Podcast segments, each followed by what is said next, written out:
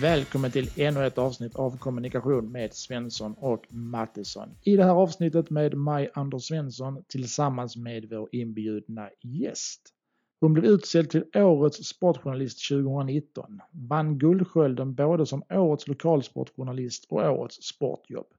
Hon har vunnit Per Wendels pris, Publicistklubbens stora pris och var dessutom nominerad till Guldspaden, Sveriges finaste journalistpris. Linda Hedenjung, journalist på Östersunds-Posten, har sannoliken prisats för sin journalistik och hon måste betraktas som en av Sveriges mest kända lokaltidningsjournalister. I det här avsnittet kommer vi såklart prata om media och journalistik, om hur det är att vara en lokal granskande reporter, hur Linda ser på förhållandet mellan journalister och kommunikatörer och såklart mycket, mycket annat som rör ämnet inom media. Innan vi kör igång vill jag i vanlig ordning påminna om att vi finns på Facebook. Sök på kommunikation med Svensson och Mattisson och följ oss där om du vill få våra senaste avsnitt i ditt flöde eller kunna skriva och interagera med oss. Det går även bra att skicka mail. Adressen är då svenssonmattisson.hotmail.com om du vill ställa frågor, har synpunkter eller har förslag på ämnen och gäster. Vi blir glada för alla mejl vi får. Med det kör vi igång. Här kommer Linda Hedenjung ha en god lyssning och mycket nöje. Då säger jag välkommen till Linda Hedejung. Välkommen till kommunikation med Svensson och Mattisson. Tack så mycket. Du Linda, som jag berättade också i introt här, så du har ju sannolikt vunnit en hel del priser som journalist. Eh, har du de här priserna liksom snyggt upphängda på väggen där hemma eller det, det har inte alla journalister? Jo, det har de säkert. Mina sitter faktiskt här på jobbet. Jag är en av få förunnat här som har ett eget kontor. Och så kändes det som att det var mer rimligt att jag hade dem där än att satt upp dem hemma. Mm. Ja men det kan ju vara en bra poäng att göra. Kan man skryta lite för kollegorna också varje dag? ja men jag tänkte så. Det var faktiskt lite roligt. I somras så kom det en sommarvikarie eh, och frågade mig lite grann så här. Vem är du? Vad gör du här? Jobbar du här? Och då hade jag tänkt säga ja, kom med till mitt rum lite grann här så ska du få se. men, men det gjorde jag inte. Ja, det var det ju. Tyngd i vardagen. Det är perfekt ju. Uh, du har ju liksom på senaste åren verkligen blivit liksom en rikskänd lokal reporter ju. Eh, men om man då som den som lyssnar inte har 100% koll på vem Linda är så kan du bara berätta lite kort vem du är och din yrkesbakgrund? Ja, men jag heter alltså Linda Hedenjung. Jag är 42 år, jobbar på Östersunds-Posten som är egentligen en ganska liten tidning i Norrlands inland men som har ganska stora ambitioner. Jag har ägnat mig åt grävande journalistik i, ja, vad är det nu, 10 år tror jag. Och för en sex år sedan så började jag titta lite närmare på Daniel Kinderberg, Östersundshem och ÖFK. Och det är väl det som jag har blivit känd för på nationellt plan. Har du jobbat någon annanstans än liksom på Östersundsposten eh, tidigare? Nej, jag är Östersundsposten exklusiv totalt. Jag eh, läste faktiskt i Lund till eh, en magisterexamen i historia och tänkte att jag skulle bli professor i historia i Lund. Men så insåg jag att man inom forskningsvärlden är ganska styrd i tankesätt. Och man ska placeras ut i vilken teori man ska använda för att applicera på materialet. Så jag passade inte riktigt in. Jag är lite för bångstyrig. Så det slutade med att jag eh, studerade till journalist istället. Ja, det är ju liksom lite mer frihet ju. Eh, att vara journalist ju. Än att jobba med, med det såklart. Du, just eh, Östersunds FK ska vi ju prata om såklart här idag. Det är ju oundvikligt ju. Eh, sen ska vi såklart prata lite om, journalistik i allmänhet och så vidare. Eh, vi ska liksom, det här är en historia som har valsat runt i media väldigt, väldigt länge och som många i Sverige känner till och så ju. Och jag tänkte att jag liksom bara ska ge en liten snabb renommé för, för den som, som kanske inte är hundra på vad det här liksom handlade om. Så får du liksom bryta in om det finns något viktigt att tillägga och så. Men det var ju då Östersund FK då, alltså stadens fotbollsklubb, tog ju hela Sverige med storm för något år sedan. Men eh, vad jag har sett så eh, om vi ska göra en lång historia kort, de spelade i division 1 så sent som 2011. Och på liksom bara några år så vandrade de ju väldigt snabbt upp i C-systemet och kom till Allsvenskan. Och det hela kulminerade kan man ju säga under där 2017 och tidigt 2018 när man ju kvalificerade sig för spel ut i Europa, Europa League. Där man eh, inte bara gick till gruppspelet utan man gick också vidare från gruppspelet och fick alltså spela slutspel i Europa League och möta självaste Arsenal. Som man dessutom besegrade på bortaplan men man gick ändå inte vidare och så. Men där någonstans så vände ju allting. För det bara kort efter det så, så uppdagades ju liksom, då tornade ju den här skandalen upp sig och den här härvan som det sedan blev. Och där då, precis som du sa, klubbens ordförande Daniel Kindberg hamnade i huvudfokus och dessutom blev dömd för eh, en, en del saker. Hur tänker du då? Nu har du lite distans till det så här något år senare. Den är ju fortfarande uppe och återkommer med det lite då och då. Men vad liksom är din känsla idag när du liksom tänker tillbaka på det? Ja, det är, liksom, det är rätt svårt på något sätt att, att sammanfatta. Till att börja med så är det ju inte helt avgjort än. Det kommer bli hovrättsförhandlingar så att han är dömd men det är överklagat. Um, det man kan säga är väl den på något sätt att det tidigt sommar 2018 så landade det någonstans hos mig att allt det jag har hållit på och slitit med de senaste åren och fått så mycket skit för, att det nu rullar fram. Att det var rätt. Och det är ju en, en ganska märklig känsla att, att få rätt retroaktivt, liksom retroaktivt någonstans. Så att det, jag tror att det är mycket olika känslor inblandade i det här. Någonstans är man människa som har blivit eh, påhoppad i sin yrkesroll. Någonstans är man ju också sin yrkesroll så att man hela tiden måste hålla en distans till det. Och sen har jag ju nu borrat ner mig allting igen eftersom jag skrivit en bok eh, om det som har hänt. Och det var ganska jobbigt att gå tillbaka till de här tunga åren när insändarna var allt annat än, än någon hyllning av det jag gjorde, om vi säger så. Nej, för du började väl nysta i det här med Östersund redan 2014 om jag inte missminner mig. Uh, och vad var det som fick dig till att börja? Kommer du ihåg det? Ja, men jag hade varit föräldraledig eh, och precis när jag kom tillbaka där våren 2014 så, så skrev en kollega om en stor fastighetsaffär. Östersundshem skulle köpa mark av Peab på stadsdel Norr. Jag var aldrig inblandad i den bevakningen utan det rullade liksom på. Sen på, gick sommaren och så på höstkanten så tänkte jag att det vore roligt att intervjua Daniel Kindberg för nu är han VD på Östersundshem, han sitter i styrelsen för hockeylaget, han är ordförande i ÖFK, det ska hända en massa nya saker på stadsdel Norr. Så jag tog ut honom på en grusplan och började ställa frågor om en rad olika saker. Och sen insåg jag då att gisses, det är inte gjorts någon värdering i den här affären. Han var alldeles nyss anställd på Peab som VD för det här området. Han blir VD för Östersundshem, går in och köper samma område utan att det görs någon extern värdering. Det här måste vi berätta om. Och sen rullade det bara på.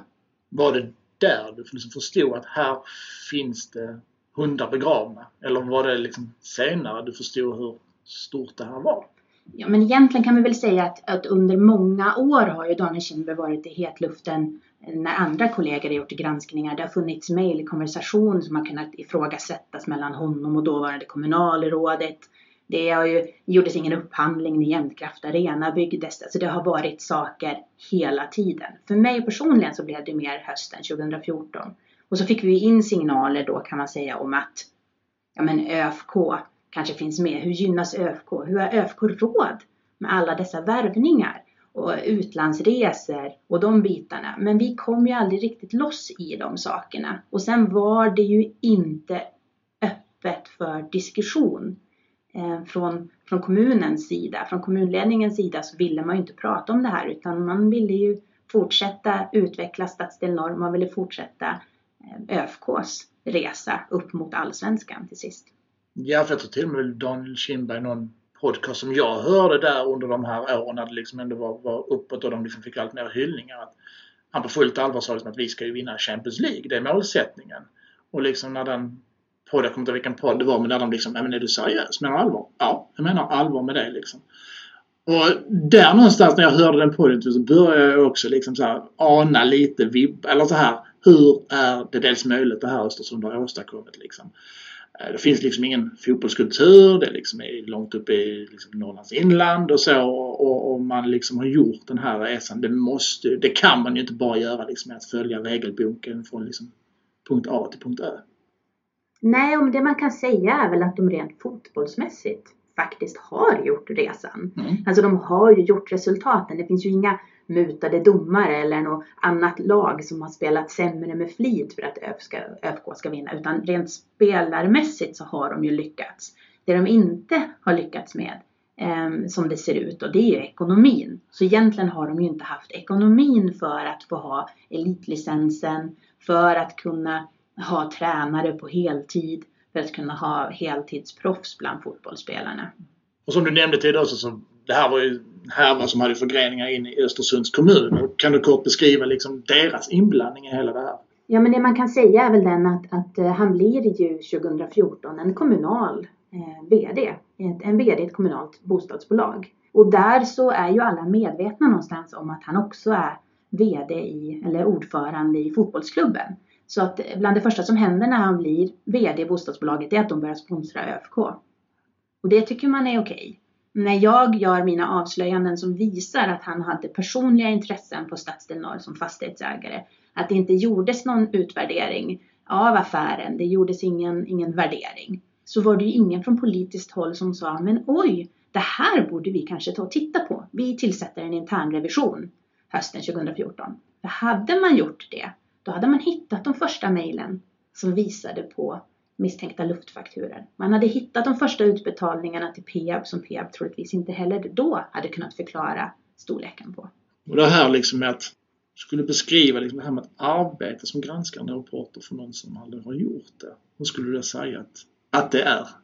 Jag tänker så här att, äh, att när man, det finns sådana här memes du vet, mm. när det står det här är vad jag tror att jag gör, det här är vad min mamma tror att jag gör och att det, på någonstans så vill man tänka sig att man är lite grann som så Sherlock Holmes i idealvärlden. Nej men någonstans så blir det där att man samlar in bevis, lägger ett pussel och försöker se vi ser de här tendenserna. Vad finns det för underlag som stödjer eller talar emot det? Vad, vad, vad, säger den här personen om det här? Vad säger en annan person om det här? Så att man försöker på något sätt göra en heltäckande bild. Och det är inte alltid speciellt lätt. Dels för att det inte är offentlighetsprincipen täcker in allt. Dels för att jag inte har polisiära insatser så jag kan kräva att människor pratar med mig. Men, men lite grann så är det. Ehm, jag tror att en kollega en gång beskrev mig som, som en åklagare ehm, som, som presenterar bevisen och så får läsarna avgöra vad de tycker. Mm, det är en bra beskrivning skulle jag vilja säga. Det blir ju lite den rollen. Och det här med att liksom vara granskande reporter i, i, i riksmedia är ju en sak. Men just det här att vara det på liksom en lokal redaktion. För jag tänker det skillnaden där är, ju, är väldigt stor på så sätt att då lever man och granskar ju den oftast den hemkommun eller stad som man själv bor och verkar i. Alltså man gräver ju verkligen där man står.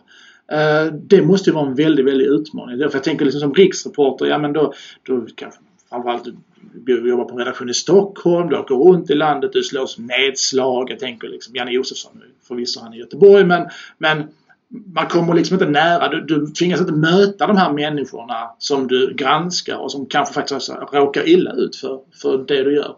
I kön på Konsum till exempel och så. Så det, det måste vara en väldig utmaning att, att verka och gräva som journalist i, i sin hemkommun.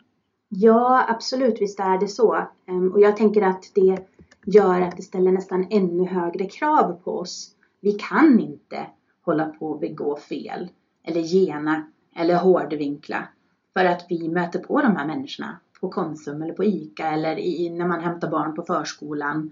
Så att jag menar någonstans så blir det ju att det krävs nästan extra mycket noggrannhet av oss.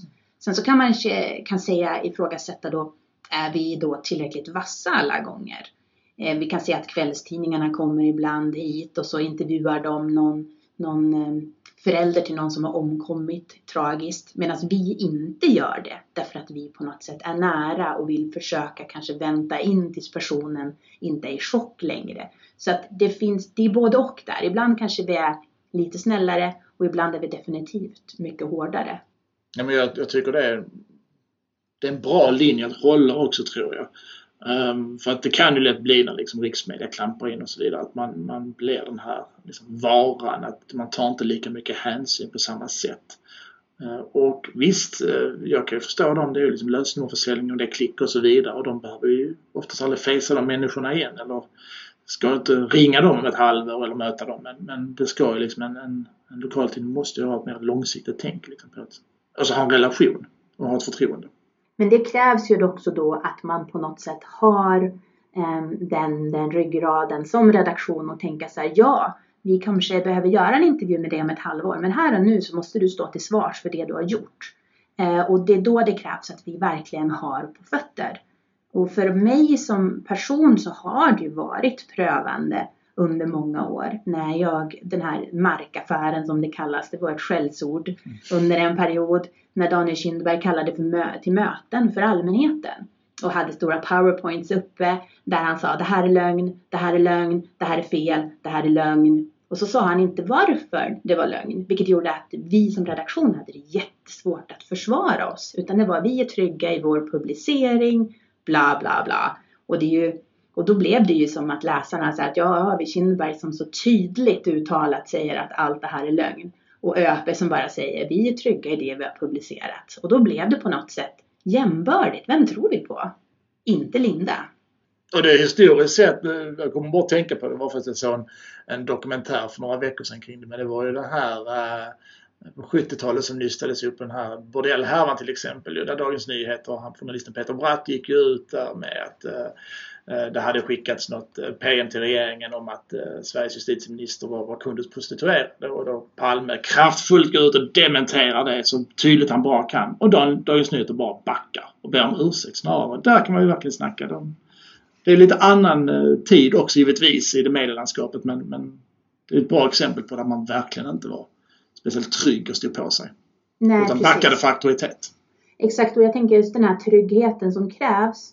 Det, den kan man ju hos oss journalister som gör de här typerna av jobb. Där kan man liksom ifrågasätta hur trygga är vi nu med LAS-cirkusar och det är bara visstidsanställningar eller eh, frilansuppdrag eller de som har från Sveriges eh, Radio till exempel som har, lägger ut program på entreprenad. Hur trygga är omständigheterna som gör att vi som, som faktiskt ska göra de här granskningarna kan landa i att ja, jag vågar och jag kan och jag har en, en redaktion i ryggen. Mm. Ja, verkligen. Så är det ju. Har du fått betala något pris, liksom, både yrkesmässigt och privat, för för de här stora granskningarna som du har gjort? Nej, alltså yrkesmässigt så tycker jag inte det. Jag har haft redaktionen i ryggen. Eh, det som har varit jobbigt det är ju att, alltså, trovärdighet det är det enda kapital jag har som journalist. Det finns ju ingenting annat.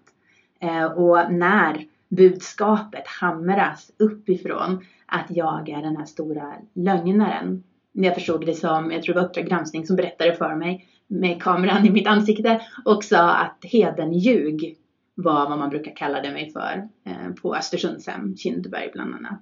Och det är klart att det måste ju någonstans ha påverkat synen på mig.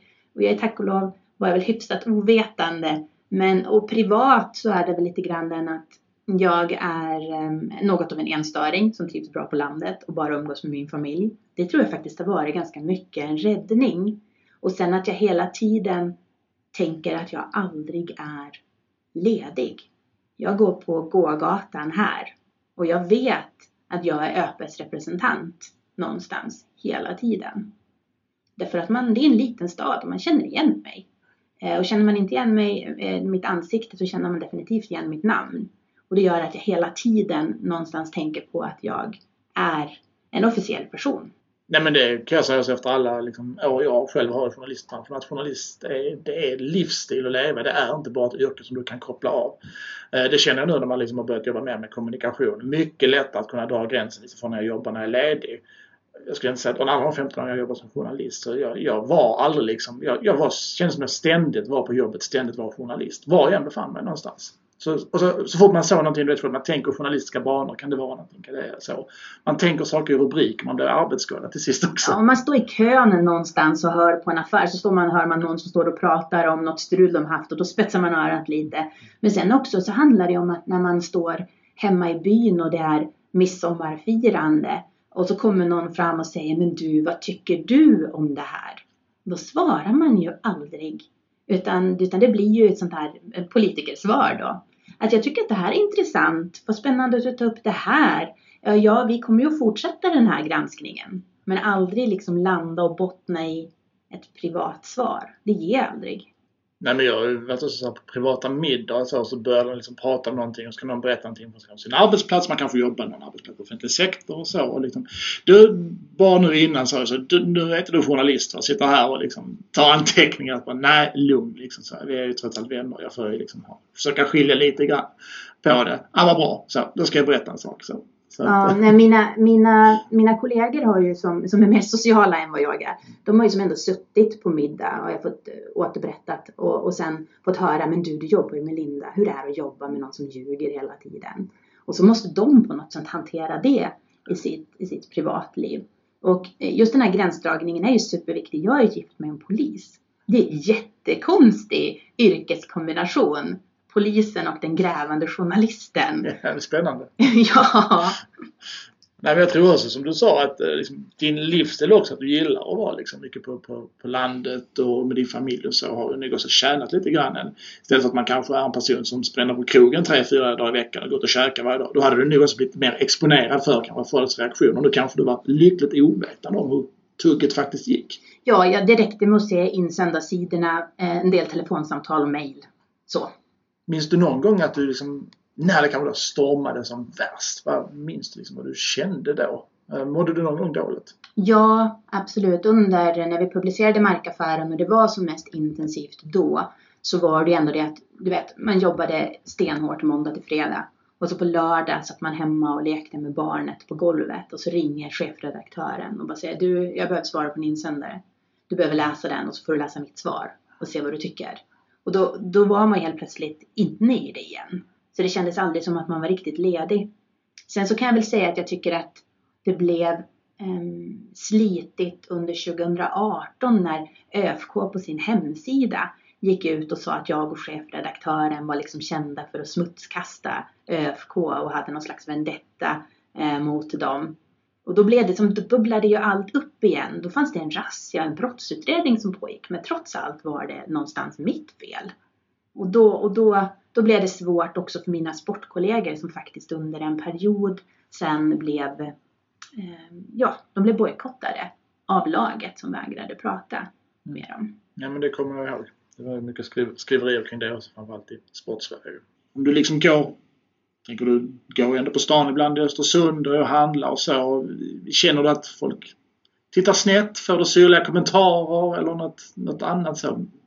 Märker du liksom av att du är du? ja, men man kan väl säga så här att um, jag inte har tänkt på det så mycket förut. Ja, det har varit, det är många som går runt med ÖFK-mössor och ÖFK-halsdukar och det är fantastiskt att de har ett sånt stöd. Um, ÖFK bland, bland länsborna. Sen så är det klart man har sett att en del blänger lite surt på en. Ehm, det som faktiskt blev en upplevelse efter Uppdrag granskning så tror jag att det var ganska många som förstod hur kämpigt jag hade haft det. Ehm, så det har kommit fram fler personer som har varit så här, gud vad bra jobbat, du är jätteduktig, kör på. Men när man är på ICA Maxi och går och handlar och har på sig sina brusreducerande hörlurar för att man vill på något sätt stänga ut allt och så stannar någon och tittar på en och så stänger man av. Då, då blir det liksom att man tar ett litet djupt andetag och så tänker man okej, okay, nu får du vara beredd här. Eh, så då stänger man av och sen är det någon som vill säga något vänligt och då blir man nästan så här översvallande lycklig så att de blir lite förvånade över hur glad man blir. Men när jag stod, eh, jag och tjejerna, mina barn stod och eh, pantade flaskor och så stod de och skulle få vänta trycka på knappen skänk till Röda Korset. De stod och skulle tävla om vem som skulle trycka snabbast. Och då stod det en man ehm, med ÖFK-jacka på sig och bara stirrade på mig. Inte sådär tre sekunder utan verkligen blängde, stirrade och tittade ut mig. Och jag, jag tog ögonkontakten och så försökte signalera inte nu. Jag har med mig mina barn, så inte nu. Um, så han kom aldrig fram och jag vet aldrig om han hade tänkt det. Men det var, det var inte en sån här ögonblick. Oj, oj, det där är någon jag känner igen. Och sen så tittar man bort. Um, Nej, man precis. Jag förstår liksom skillnaden där. Uh, jag kan också tänka att det, här är ju det är ju såklart någonting, uh, alltså, även om ni har liksom haft, haft rätt och så, så är det ju ändå någonting som det kan vara splittrat stan till och med. Det är, är mycket känslor i det här och det är ju någonting som som var ju fantastiskt för hela Östersund och man blev liksom omskriven i hela världen. Jag kan tänka mig att självbilden måste ju ha växt liksom flera meter. Och så kommer det här och liksom bara välter omkull någonting som väldigt många kanske har inte investerat just pengar så, men liksom sin tro och sin vardag i. Så det måste just ha blivit där att man kanske inte... Man måste ha någon riktig ilska mot kan jag tänka också. Att man, man innerst inne kanske tycker att det här är bra att det här kommer fram men man tycker också att det är lite tråkigt för det var ju så himla kul med den här framgångssagan och vi vill ju bara att det här ska fortsätta och att det ska liksom bli och så kommer det någon och förstör. Ja men ungefär det här, jag, jag skiter i om det är sant eller inte, det är för jävligt ändå. Det här härliga citatet. Eh, har det inte varit, är det inte liksom, kan jag tänka mig verkligen så för Östersund också som, som kanske inte alltid är liksom i, får den här eh, rubrikerna så positiva som de ändå fick under. Nej, jag menar vi har ju ett rikt idrottsliv här. Men det är ju inflyttade skidåkare eller skidskyttar som på något sätt bor här. Och nu, nu fick vi ett lag som folk kunde stå på en arena och heja på, på sommartid utan vinterkläder hela tiden. Eh, och, och, det är klart att det blev jobbigt. Så den första reaktionen som vi märkte kan man säga efter razzian i april 2018, det var ju den att ja, men det där rör Daniel Kindberg. Det rör inte ÖFK. Och jag såg ju redan efter en timme att det rör ÖFK. Så jag skrev ju det, men det var ju ingen som ville ta till sig av det. Och ÖFK använder såklart den kommunikationsstrategin och säga att det här rör vår ordförande Daniel Kindberg. Det rör inte oss, han har tagit time-out nu. Vi har förtroende för vårt lag och vår organisation. Ehm, men det var ju klart från dag ett att det handlade om pengar som hade använts för att sponsra ÖFK. Men det ville man som inte riktigt ta till sig åt eh, bland läsarna och bland länsborna. Så någonstans så blev det också jävla ÖP. Eh, men till slut så tror jag någonstans att ändå att det sjönk in när åtalet väl väcktes i december 2018 så var det lite grann okej. Okay, ja, men det är så här där. Det är nästan, vad det var, drygt 14 miljoner som har gått till ÖFK enligt det åklagaren menade på olagliga sätt. Så att då tror jag att det, poletten föll ner mer. Hur eh, skulle du vilja säga då en journalistperspektiv just när, när man eh, håller på och granskar vilket bemötande brukar liksom vara, eller reaktionen som man får av dem som man är satt till att granska när man då tar kontakt och vill liksom ställa frågor och så. Vad skulle du vilja säga? Vad har du stött på? Jag tänker att det är lite så lite olika kan man väl säga. Ehm, att eh, förra om åren så var det väl ehm, inte alls lika, lika läskigt om jag ringde. Därför att jag gjorde också mer vanliga jobb. Ehm, nu så vet man ju om jag ringer så vet man att det troligtvis inte är något jätteroligt jag vill. Och då blir det ju ganska snabbt en rätt stram ton. Man eh, är inte så jättevillig att, att prata. Jag kan ju också ringa rent och bara säga nu är det här ett researchsamtal. Jag har fått in ett tips. Jag vill bara stämma av och se om jag, vad, vad, vad som kan ligga bakom det här. Innan jag tar beslut om vad, vad jag kommer att göra. Um, och det är inte alltid man är så jättevillig till sådana samtal och det förstår jag. Um, men, men någonstans så tänker jag mig att Journalister är inte fienden. Vi har stora kommunikationsenheter. På till exempel Östersunds kommun så tror jag att de har fler kommunikatörer än vad, vad ena lokaltidningen har och radio nästan tillsammans. Jag är inte riktigt exakt säker på numerären så jag ska inte våga svära eh, på det. Men vi är inte fienden. Någonstans är vi allmänheten och har man inte gjort något fel då har man inget som helst att oroa sig för. Och då finns det inget skäl till att obstruera när vi begär ut saker. För att det är klart som attans att man gör det ibland. Om jag ställer en fråga lite för brett formulerad, då låtsas man om att man inte förstår. Uh, och jag kan dra mig till minnes också, vi har ju haft Janne Josefsson som gäst i, i podden och han berättar ju också just det du berättar. Alltså att han kan ju, kan ju, kan ju kliva in på en restaurang rent privat och restaurangägaren kan ju liksom titta på honom som att han ser ett spöke. Han tänker att va, va, nej, nu kommer han att granska oss. Det är, det är över, det är slut med oss. Att han liksom har fått den grejen också att han kan ju knappt röra sig liksom privat i samhället för alla han möter tror att de ska, han ska bli granska dem. ja, så, så, är, så, är, så illa är det inte här, tror jag. Jag tror att folk eh här, även här skulle känna igen alltså Janne Josefsson mycket snabbare än vad de skulle känna igen mig. Ja precis, ja, han har ju varit med länge i gamet så att säga. Så han är väl liksom själva personifieringen av en granskande journalist. Så är det ju. Fick du någon gång under hela den här resan liksom, upp, liksom utstå allvarliga hot eller att någon försökte liksom konkret påverka dig och det arbete du gjorde? Ja, nej men alltså det, det har väl hänt eh, på det sättet att jag har fått mail som är lite grann, jag vet vart du bor, ge fan i ÖFK. Men det har inte varit på den nivån så att vi har valt att polisanmäla. Däremot så har vi ju valt att ha en ökad omvärldsbevakning med hjälp av ett säkerhetsföretag i omgångar. Därför att diskussionerna har varit ganska hetsiga i en del forum. Men inte så här, eh, inga konkreta hot som, som vi har polisanmält. Men det är klart att det har varit en olustkänsla eh, när man har blivit ifrågasatt. Just också för att alltså min yrkesroll är superviktig för mig. Eh, jag tycker på allvar att jag är samhällsnyttig. Sen kan man säkert argumentera emot det. Men jag tycker att grävande journalister behövs överallt i Sverige. Och när man då ifrågasätter om jag verkligen kan mitt jobb så känns det jobbigt. Även om inte det är i sig ett, ett konkret hot så, så är det något som känslomässigt jag tycker är jobbigt. Ja, för det är precis som du säger, som du sa innan också, att trovärdighet är ju det enda kapital man har och börjar det liksom ruckas på det och ifrågasättas, ja men då, då, då tar det ju. Det gör det ju för att det handlar ju bara om det. Ja. Journalist. Har du någon gång liksom efter det här liksom dök upp och allting har varit, har du sprungit på Kindberg? Någonting? Eh, nej, jag har stött på honom på, eh, på hotellet. När tingsrätten hölls i Härnösand så bodde vi allihop på samma hotell. Vilket, förutom åklagarna, vilket var helt absurt. Märkligt. Då satt man vid frukostbuffén och då satt P-mannen och Sollefteåbon och deras advokater och Daniel Kinderberg. Och så satt Robert Laul vid ett bord och så satt jag och min kollega vid ett bord och så satt man där. Och um, det var jättemärkligt och jag kommer ihåg ett tillfälle när um, det, det är första helgen efter för rättegångsstarten. Uh, och Daniel Kinderberg skriver uh, på, på Facebook ett påhopp på mig. Eh, med mitt namngivet med mig och han försöker dra in min man i eh, en, en situation som han tycker är tveksam. Eh, jag reagerar ganska ordentligt på det därför att jag tycker så här, okej, okay, ger det på min trovärdighet och det tål jag. Någonstans, även om jag tycker det är jobbigt så kan jag försvara det, men låt bli min familj. Några andra i samma by som bor i samma by som mig, de älskade det inlägget. Och då blev det så himla nära. Det var riktigt jobbigt.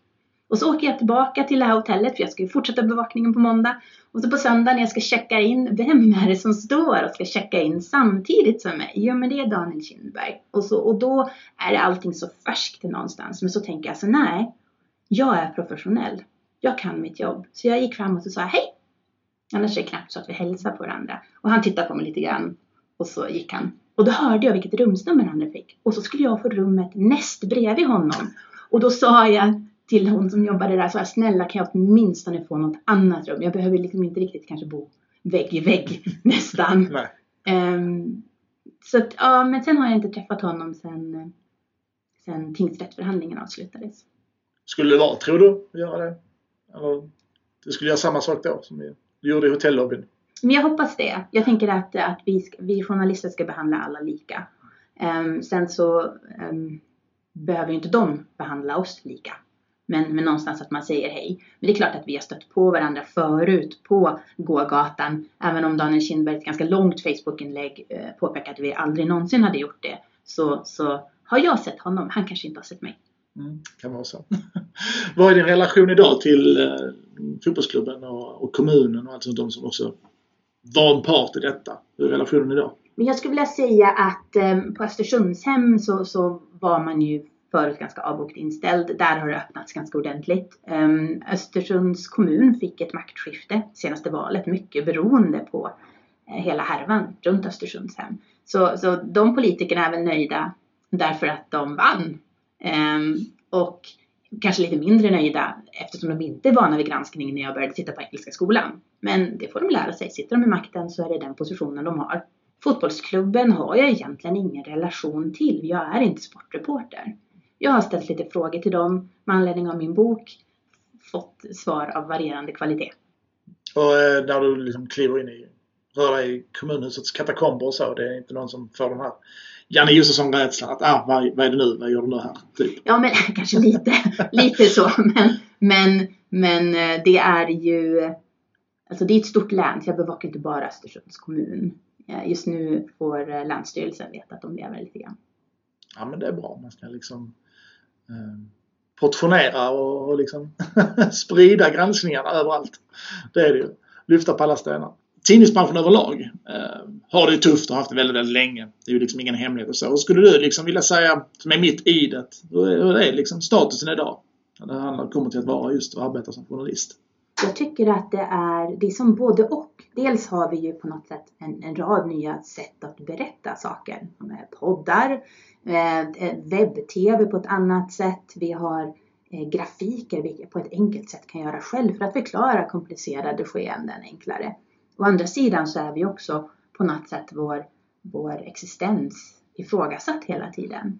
Ehm, man väljer att kalla saker för fake news bara för att man inte håller med det finns ingenting om sanningshalten i det man har läst utan man tycker att det här kan inte, så här får det inte vara. eh, det här är idiotiskt, skriv inte så här om mitt lag, min president. Mm. Eh, och då säger man fake news. Och någonstans så är det också det att trovärdigheten har blivit på något sätt utsuddad på det sättet att det finns bloggare, eh, kronikörer, Facebook-skribenter på något sätt som, som för fram sina teorier och ibland mer eller mindre underbyggda fakta som, som på något sätt kan få samma position som en, en känd grävande journalist.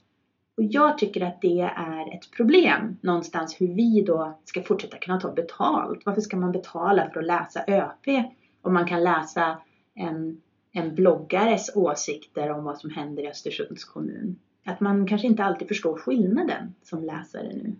Nej, det, gränsen har ju suddats ut betydligt mer och det, det har ju också med att göra såklart att tidigare var det ju så tydligt att nej, men, vilka som var plattformarna och var det liksom fanns nyheter och hämta information. Idag kan ju vilken människa som helst skapa sig en egen plattform och dessutom en plattform som är ett större genomslag och räckvidd än vad ett helt tidningshus kan ha. Det finns ju Youtubers som slår liksom de stora mediebolagen på fingrarna. Alltså, det finns Youtubers som har tittning som, som SVT och, och andra TV-kanaler skulle drömma om. Samtidigt som det är fantastiskt så är det också någonting som det går liksom att problematisera kring. Alltså hur, hur hittar vi just den här som sa, en liten balans emellan detta. De, man drivs ju av olika typer av, av saker och, och, så. En youtuber kanske inte sätter alltid, nu generaliserar jag, men alltid sanningshalten först och främst. Utan där handlar det liksom om att vara underhållande och väcka känslor och så vidare. Och, och kanske liksom så medan en, en, en mediebolag har liksom en, en sanningshalten högre på agendan. Jag säger inte att en youtuber inte kan ha det och inte kan vara duktig på att berätta. Det finns fantastiska youtubers men, men generellt kanske så man har lite olika angreppssätt och varför man gör vissa typer av saker. Ja men så är det och det är det någonstans. Hur förklarar vi den här skillnaden? Och hur förklarar vi att de här åsiktsbubblorna som uppstår inte är styrda av någon slags regering som ger ut dekret åt eh, redaktioner att nu ska ni granska det här. Um, nu ska ni titta på de positiva effekterna av inflyttningen i samband med, med eh, asylvågen som kom. Det finns ju jättemånga som tror det på fullt allvar att det finns det här Saltsjöbadsavtalet på slutet på 80-talet där då regeringen och alla stora mediehus gick samman och sa att nu ska vi skriva positivt om invandring och inte tala illa om det. Det, det finns ju faktiskt. Och jag blir ju också förvånad när man ser hur många där som faktiskt tror på den. Ja, men det, och det tänker jag så här, hur bemöter vi det? Alltså hur gör vi det? Ja men då, då får vi allihop tänka på att vara så professionella som möjligt. Jag, jag är ganska aktiv på Twitter. Eh, och det skickas ganska roliga GIFs ibland till mig när jag eh, skriver någonting Östersundsrelaterat. Mm, jag väljer att aldrig interagera eller reagera även om jag kan sitta och gapskratta åt en roligt klipp så är det så här att om jag skulle interagera med det här så skulle det kunna sända signaler om att jag, att jag tycker en viss sak eller någon skulle kunna sitta och tolka. Jag blev inpingad i en tråd, eh, det måste ha varit 2018, där det var Svenska Kuppen. Man åkte ur, ÖFK åkte ur och man tyckte att eh, det, målvakten hade gjort en dålig räddning. Och så var det någonting om att Svenska Spel höll på att titta på eh, det här för det hade varit ovanligt hög spel på, på den här matchen på något visst resultat. Och då skrev jag bara så här, har ni mer information eftersom jag blev inpingad så mejla mig på, och så min mejladress. Den tweeten skärmdumpades av ÖFK, skickades runt till olika medier för att visa hur mycket jag jagade efter dem. Hur eh, sugen jag var på att hänga någon ny. Medan det i själva verket är grundläggande journalistisk reaktion. Jag blir inpiggad i en sak. Vet du mer? Mejla mig.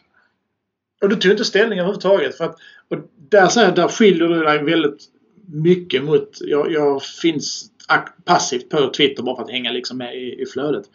Jag ser, har genom åren tyvärr sett jättemånga journalist och gamla journalistkollegor och, och journalister som jobbar nu som faktiskt skämmer ut sig. Och som just det här gör avkall totalt på sin trovärdighet när man liksom går i polemik och diskussioner och, och till och med också kan ja, men, gå på personangrepp mot någon i någon tråd och så vidare. Så man, man beter sig för illa och där, där har jag också känt ja, men vad, det här skadar ju verkligen journalister. Nu får ju alla liksom vatten på sin kvarn som ser när journalist efter journalist tappar huvudet. Och det finns liksom otaliga exempel på, på när det är det. Och där tycker jag att det är så otroligt viktigt att förstå den rollen och att faktiskt inte tumma på den trovärdigheten.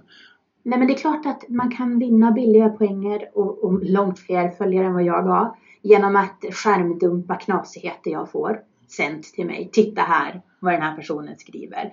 Eh, titta eh, hur, hur jag blir utsatt här. En, det jag har gjort det en enda gång och det var när jag länkade till, jag länkade till ÖFKs hemsida när de gjorde påhoppet och så var jag så här att jag söker. Jag söker deras eh, styrelseledamöter och de vägrar prata med mig. Det här är vad de lägger ut. Och det såg inte jag som ett sätt att på något sätt ge mig på dem utan för att visa så här skriver de just nu. Jag håller inte med.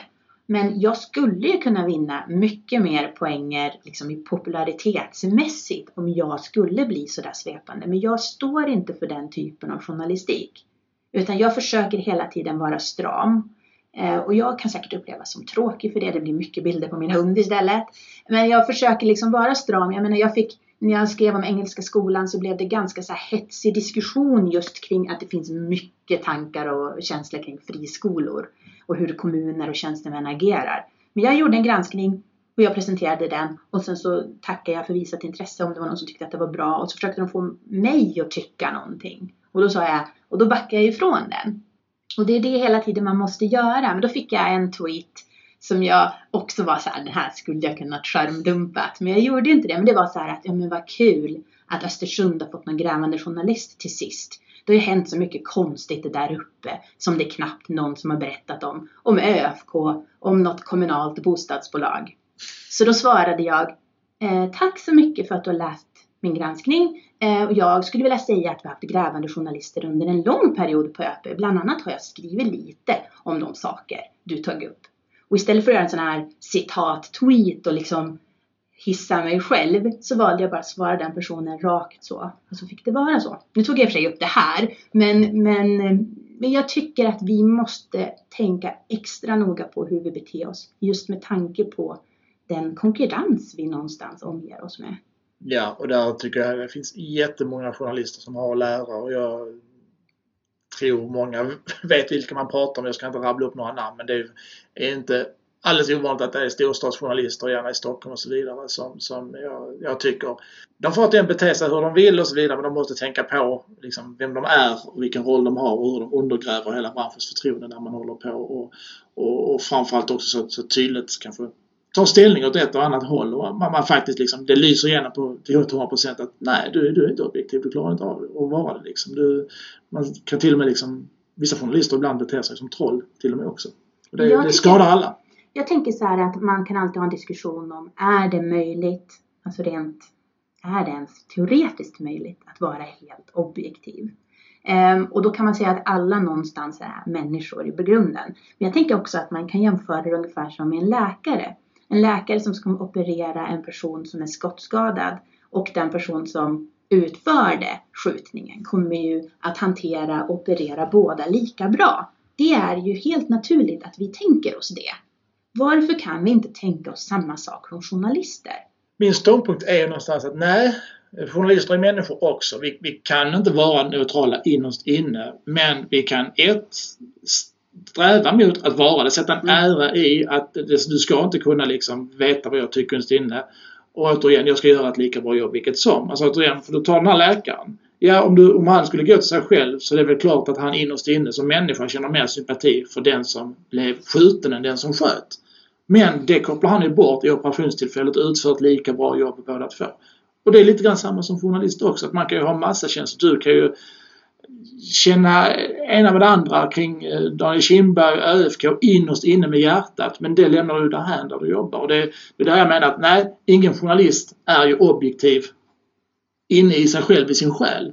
Men man ska liksom ändå applicera det när man går Man ska ändå ha en yrkesroll att kliva in i och där ska man liksom lämna känslan därhän och vara konsekvensneutral. Och man måste, man är ju professionell. Alltså det jag tänker mig att det är väl det som har hänt med journalistiken någonstans med Jan Guillou som pratar om glansdagarna på 70-talet och sent 60-tal så är det ändå den att de gjorde fantastiska saker då med IB-affären och sånt men de drevs ju av ett personligt tyckande. Exakt. Någonstans så har vi ju kommit bort ifrån det. Och jag gör ju mitt jobb och försöker visa på olika sidor. Jag tycker inte om journalistiken som egentligen är att man låter person A säga si och så låter man person B säga si och sen så publicerar vi det. Utan då tycker jag istället så här, okej okay, A säger att han har skrivit ett mail om det här och påpekat felen.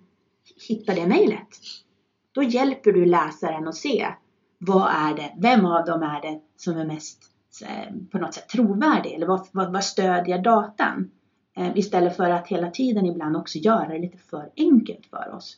Idag vill vi ju, mycket journalistik vill ju baseras på antagonism ju. Att man vill ha en person som säger då, precis som person A säger det, person B det och så har vi en konflikt. Yes, där har vi hela grejen. Och så tycker man att eh, det är väl jättebra att vi lyfter upp det när man liksom inte tittar lite djupare på det. För det blir så tacksamt att ha att, eh, ja men eh, liksom bråket inom sossarna eller eh, attacken mot den och den och så vidare. Vi ser de rubrikerna varje vecka. Så Jag valde ju aktivt när jag tittar på Engelska skolan nu så valde jag aktivt att egentligen hålla tillbaka politikernas utspel. Därför att det är en sån ideologisk tydlig fråga så att man skulle kunna låta dem gå loss på varandra. Och istället så försökte jag hålla mig till sakfrågan. Det var, det var en, en, en hyresförhandling som gick till på det här. Vad tycker du om det här? Visste du om det här? Istället för att säga de är sämst, vi är bäst.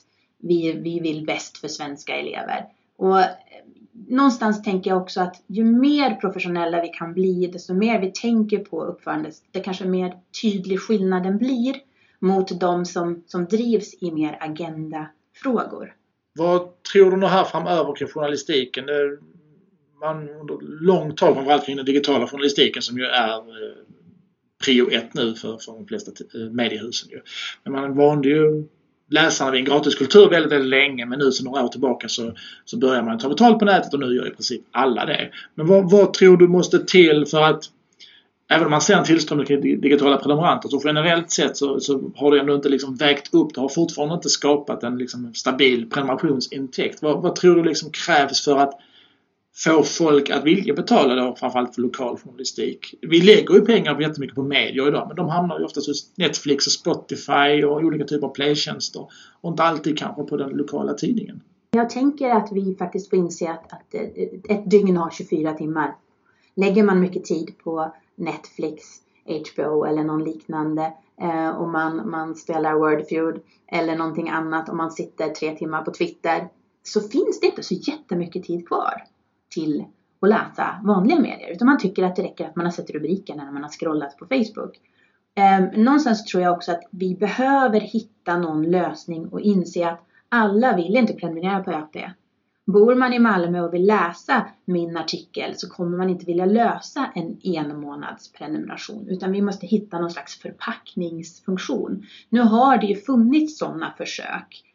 Ehm, om det kanske går att hitta också hur man betalar endags eller enartikelsinlösning med Swish. Hitta enklare lösningar helt enkelt. Och sen så hos oss har vi tack och lov nu eh, under den, den senaste perioden, säkert över ett år, haft en tillväxt just på grund av att våra pluskunder har ökat mer än, än tappet på printkunder. Men vi har ju aldrig bara varit prenumerationsfinansierade utan vi har ju också varit annonsfinansierade. Och jag tror att annons, annonserna vet i fasiken rent ut sagt om vi någonsin kommer få tillbaka på samma sätt. Utan det bygger på att människor vill betala för det vi skriver. Mm. Och då måste vi hela tiden också stå, trygg, stå trygga i våran journalistik och inte tänka att vi blir för sifferdrivna. Okej, folk vill läsa om eh, företag som går i konkurs.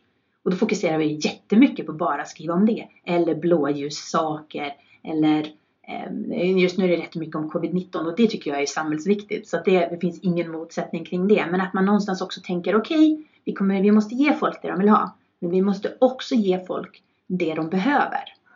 Och det är väl där risken är för konspirationsteorier och Mm. PK. Men där måste man också kanske tänka på vår professionalitet. Vi sitter på kommunfullmäktige. Vi läser handlingarna. Vi ser ju, jaha det är en risk för en jättestor VA-ökning på avgifterna i, i en kommun därför att de har sjabblat sig tidigare. Det kan ju vi räkna ut att läsarna behöver få reda på innan beslutet är taget. Jag tror det är lite kulturförändring som måste till därför att under, under alla liksom, år sedan det där blev digital journalistik så har det ju alltid varit räckviddsaffären som har varit nummer ett. Och det är snabba klickgrejer. Det är inte sällan blåljus som man lyfter upp och gör väldigt mycket kring. Men, men nu när liksom räckviddsaffären eh, på väg att bli död och begraven och, och inte kommer att återuppstå igen. Det, det finns liksom inget eh, långsiktigt tänk kring det. Då måste det ju bli prenumerationsaffär och då är det helt andra saker som måste till. Du får ju inte en enda prenumerant på att skriva en massa snaskiga blåljusnyheter. Däremot kan du få det liksom med just den här välarbetade, djupgående, kvalitativa journalistiken. Den som faktiskt tar tid. Så jag brukar nästan säga att det här är en 10 000 kronors fråga, det finns inga enkla svar på det. Men skriva, kanske tagga ner lite de här händelsenyheterna för de hamnar i andra forum. Kanske inte ska skriva om loppmarknader och, och, olika typer av arrangemang. För det finns ju oftast Facebookgrupper för det för de som är jätteintresserade av en, en loppmarknad i Bräcke till exempel om vi ska ta ett lokalt exempel. Och istället lägg tiden på de här mer här kvaliteten, det här som, som, som tar lite tid men som blir mycket bättre. För det är det jag bara tror man kan ta betalt för. Jag tror att det är mixen. Dels för att om det dundrar förbi tio polisbilar på Rådhusgatan så ska du inte gå på Facebook och få reda på vad som har hänt. För troligtvis är inte den informationen riktigt helt sann. Och flashback. Och flashback. Mm. Utan då ska man kunna gå in på OPSE och bara titta. Okej, okay, det, det, är, det, det är aspiranter som övar utryckning i stadsmiljö. Och det, och det är samhällsviktig information. Ja. Det, det, kan ju vara något allvarligt på riktigt som att hålla undan typ. Ja, exakt. Och det, och det ska vi kunna ge. Ja. Och det är också viktigt för oss att kanske vara på loppmarknaden. Därför att om vi är där så kanske någon som aldrig skulle ringa oss går fram och säger du kommunalrådet i Bräcke, han han fick bygga ett hus som inte någon annan skulle få bygga. Så att någonstans så, så är det den här avvägningen att vi måste vara ute, vi måste synas, vi behöver vara eh, någon som, som landsborna vänder sig till. Men vi behöver också ha fokus och kraft och ägna oss åt den fördjupande journalistiken som på något sätt legitimerar vår existens på ett annat plan. Och det är den här avvägningen som jag tror jättemånga tidningar sitter och brottas med. Men det tycker jag mig se ändå att de senaste åren så känns det som att allt fler redaktioner vill satsa på någon form av fördjupande journalistik just på grund av att det är där folk kan vara villiga att betala. Precis, det är journalistik som gör skillnad. Och som sagt, som jag sa, det här är en 10 000 kronors fråga. Det är inte lätt. Eh, och jag tycker du har jättebra poäng i det du säger just att vara ute bland folk. Det är ju, det är ju liksom A och O i det hela. Eh, men jag tror att man kanske liksom ska titta på eh, just det, hur mycket tid lägger vi på saker och ting? Kanske skruva ner lite då kanske, där händelsenyheter. Absolut inte låta bli alltså de här stora viktiga grejerna. Men, men kanske liksom ändå skruva ner och överföra lite tid på att kunna lägga. För jag är helt övertygad om att det, det finns ändå, även om resurserna är tajta så, så kan man ändå kanske tänka lite smartare där. Eller för att testa och se om det funkar. Ja, men jag tänker som ÖP har ju gjort det. Alltså vi, vi har en redaktion som inte är så jättestor.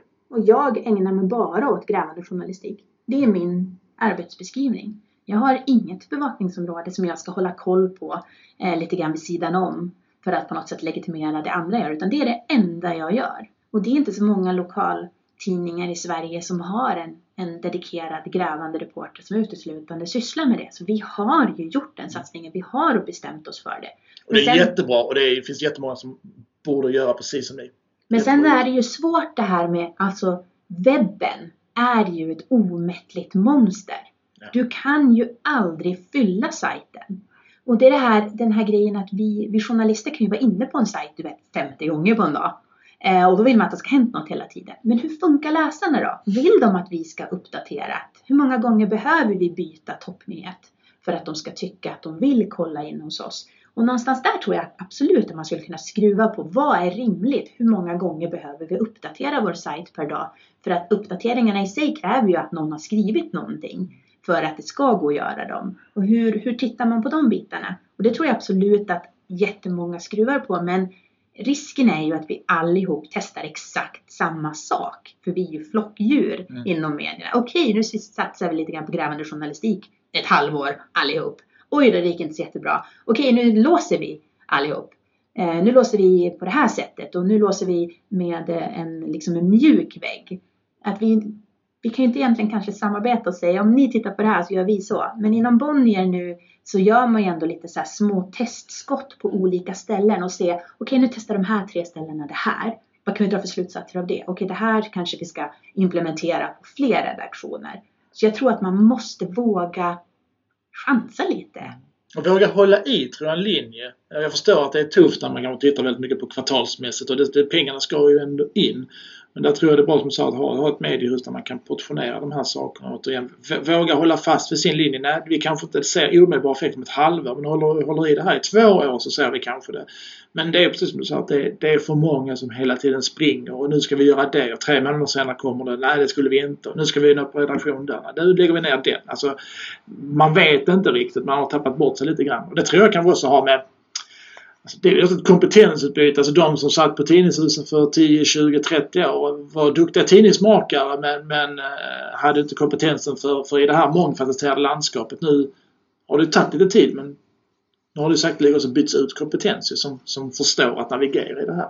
Men sen så krävs det ju kapital. Mm. Alltså Mittmedia hade svajig ekonomi. ÖP köptes av Mittmedia från Centertidningar när Centern sålde ut sitt. Och det blev, man, man ville ju bygga ett större och större tidningsinnehav vilket gjorde att man tog lån eh, och man behövde betala av på dem. Så att det var svajig ekonomi. Och nu så känns det ändå som att det är mycket stabilare med Bonnier som ändå har mer kapital i ryggen. Ehm, och då kanske man kan våga göra de här försöken och se om vi kan dra lärdomar av det. För jag tror verkligen, jag hoppas verkligen att det finns en framtid för alltså, liksom kvalitetsjournalistik. Ehm, jag är 42 år, jag har varit 16 år på ÖP. Ehm, jag vill inte redan nu känna mig utrotningshotad och som en dinosaurie eh, i det moderna samhället.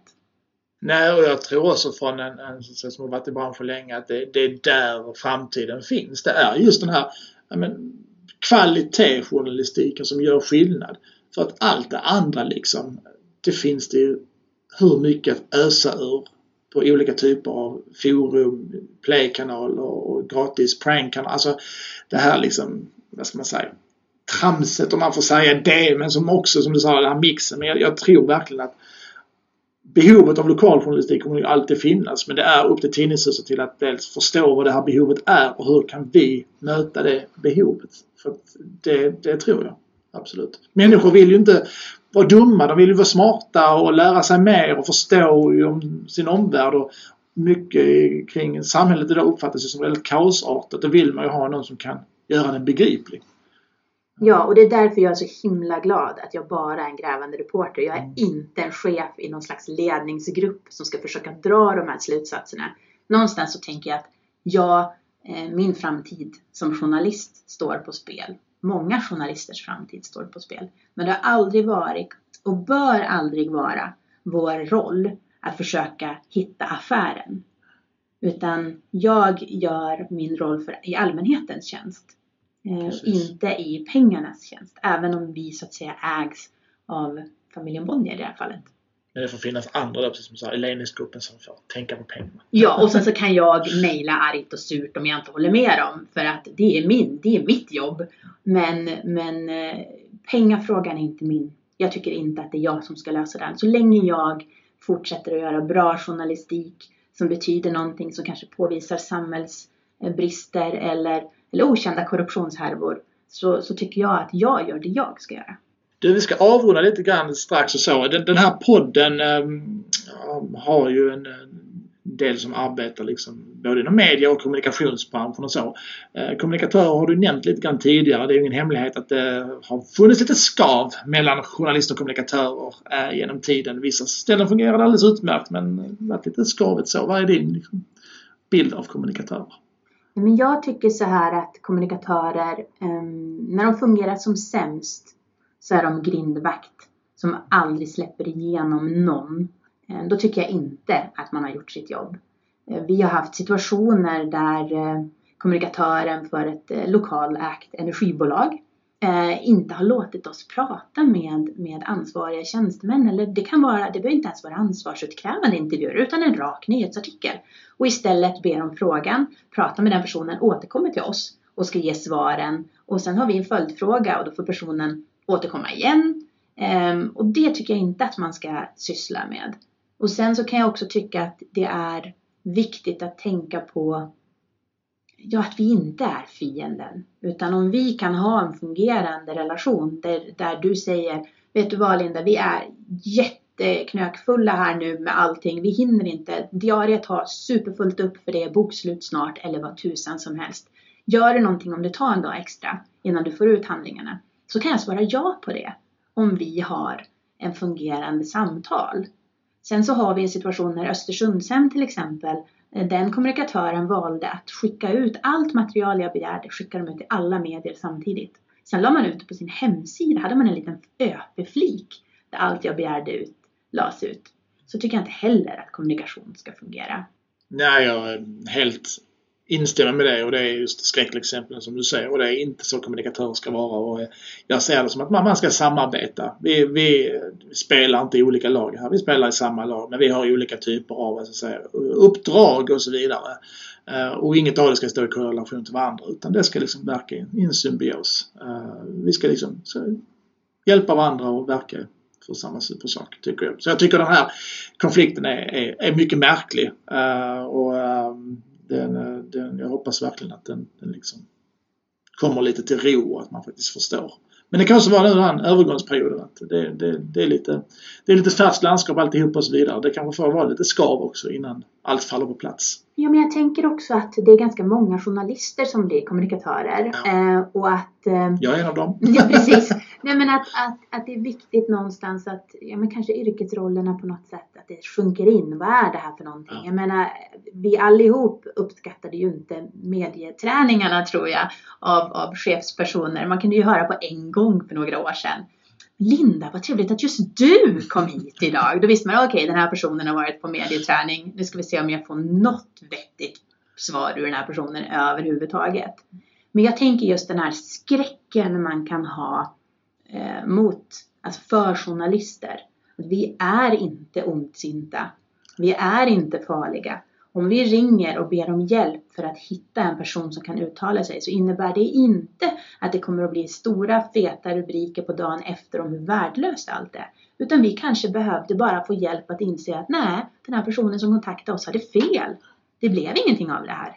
Och det, det är ju min bild av vad medieträning ska vara och det är ju så jag har liksom, när man är ett bollplank till så. Det, det är snarare min bild att det ska vara att man, man ska ju liksom lära de som kanske inte är så vana vid media och journalister. Hur, hur fungerar journalistiken och, och vad är journalistikens uppdrag? Vad är ditt uppdrag och så vidare. Eh, Medan det finns ju skräckexempel på medieträning där man mer eller mindre liksom gör folk till, till talande robotar som bara säger floskler. Det är ju inte det så medieträning ska vara. Utan medieträning handlar om att förbereda en kollega som kanske inte är så van. Kanske tycker det är lite läskigt med journalister och säger men vet du vad? Journalistik är så här, det bygger på så här. Man kan höra av sig om det och det och det kan vara si och så. Och du måste liksom tänka på att bemöt journalistiken så. Det är inte din fiende. Och, och just de här överbrygga de här sakerna. Så att det inte blir det här också. Ah, jag vill inte. Shit, du är läskig. Du kommer förstöra mitt liv. Typ. Ja men exakt och sen så får man faktiskt egentligen inse att det dummaste man kan göra det är att ljuga. Ja. Det dummaste man kan göra också det är att försöka hålla borta dokument. För förr eller senare får vi dem i våra händer. Även om det ibland kanske tar fyra år. Eh, så, så blir det ändå så. Då har vi dem. Och då blir det inte jättebra att du ljög innan. Ehm, och, och någonstans så tänker man så här, ja men det här är arbetsmaterial. Men har du arkiverat det, då är det inte en tjänste, dina tjänsteanteckningar arbetsmaterial längre. Att man får faktiskt inse att jag måste också kunna offentlighetsprincipen. Och ju mer jag obstruerar och desto bängligare jag uppför mig, desto mer misstänksam kommer journalisten att bli. Och är det mig man pratar med så blir jag ännu mer tjurig. Och då kommer jag definitivt inte att ge mig. Jag brukar också säga det liksom att gå aldrig i polemik liksom med journalistik. journalist för du, du kan aldrig vinna i längden. Det är faktiskt så. Utan finns ingen anledning. Eller börja ha synpunkter, för det vet man ju vissa som... Har jag, själv varit, jag har själv varit på den sidan med journalister. Folk liksom har ringt in och, och på liksom... Nej men vi ändrar den rubriken. Och det kan inte stå så. Och det kan inte göra så och så. Jag vet men då är det någon pressperson och så vidare. Och då blir man ju liksom ryggen ner och så äh, nej, det gör jag inte. Och sen nästan man blir så här att den pressekreteraren kanske egentligen har rätt men ryggraden journalist är så nej du ska inte påverka mig. Alltså då kommer det här patoset liksom in någonstans. Så att, eh, alltså, det, det sitter mycket i journalistik. Så, så ha sällan liksom eh, man kan ha sakliga synpunkter men, men ring liksom inte och be dem göra si eller tala om för journalisten vad den ska göra. Nej, och då, går ju, då, då är ju våran ryggradsreflex helt klart att vi är fristående ja. och oberoende. Eh, men har man, ringer och säger du, jag läste artikeln idag jag tycker att det blev lite tokigt för du skrev att det är 42 miljoner det skulle vara egentligen 32. Mm. Så jag tycker att det blir inte riktigt rätt. Skulle du kunna rätta? Jag skulle rätta på en gång. Det skulle jag också göra. Och där har vi saklig, liksom, ja. saklig synpunkt, inga problem. Men där någon verkligen försöker liksom påverka. Alltså, Men jag tänker också, sätt. det är samma sak som att det är så sjukt många som vill läsa citat. Och jag, egentligen så är inte det någon inskriven laglig rättighet. Inte ens i de etiska reglerna hos oss står det. Utan man ska ju delge information om när det ska publiceras. Och det är klart att man i vissa lägen är, tycker jag att det är okej okay att, att man får läsa citat. Är det människor som inte är medievana? Är det någon som jag kanske har eh, granskat mm. intensivt under en längre period? Eh, så kanske, men är man en makt, makthavare så får man hela tiden tänka på att allt jag säger kan komma att användas emot mig. Eh, och att man får tänka på hur man uttrycker sig. Man har inte en automatisk rätt att läsa sina citat. Sen vet jag att det ingår i lite utbildningen att man ska begära att göra det. Men jag har faktiskt rätt att säga nej. Mm, och sen är det också så, ja du får läsa dina citat. Men du får inte ändra dem. Om det inte är så att du verkligen, att jag har missuppfattat dig. Men tänk på att jag mest troligtvis faktiskt har spelat in dig att citatläsning innebär inte heller garanterat. För det har jag också sett någon gång när jag hade gjort en större granskning att jag skickade hela artikeln för jag tyckte att den här personen hade utstått en hel del granskning, ändå eh, halvhög chef inom universitetet. Kom tillbaka, hade strukit och skrivit om två tredjedelar av artikeln. Och då var jag så här, jag är ledsen, så här funkar det inte. Och, och, då sa hon till mig, men om du skriver allt jag säger, hur ska vi då kunna prata? Och då blev det som, det är en intervju. Precis. Då har du inte förstått att det är spelreglerna och vad, vad det faktiskt är. Och det är just det här. Nej. Nej, kanske inte riktigt har blivit medietränad och förberedd på vad det här innebär egentligen. Nej. Och det är också, jag har också mött jätteofta, ja men du skickar citaten sen så jag kan godkänna dem. Och då blir det såhär, godkänna? Ska jag godkänna någonting? Jag kan skicka dem till dig. Och oftast har jag gjort det själv i min egen yrkesroll när eller kanske bara, men här, här behöver jag en faktacheck så jag har förstått det här rätt. Till exempel. Det här får inte bli fel. Då har jag ibland skickat hela artikeln också för att, för att här, så jag inte har fel på någon decimal eller så. Men jag har också alltid liksom hållit fast vid att det är inte ett det är liksom inte att jag säger varsågod, godkänn, utan det här är grejen liksom.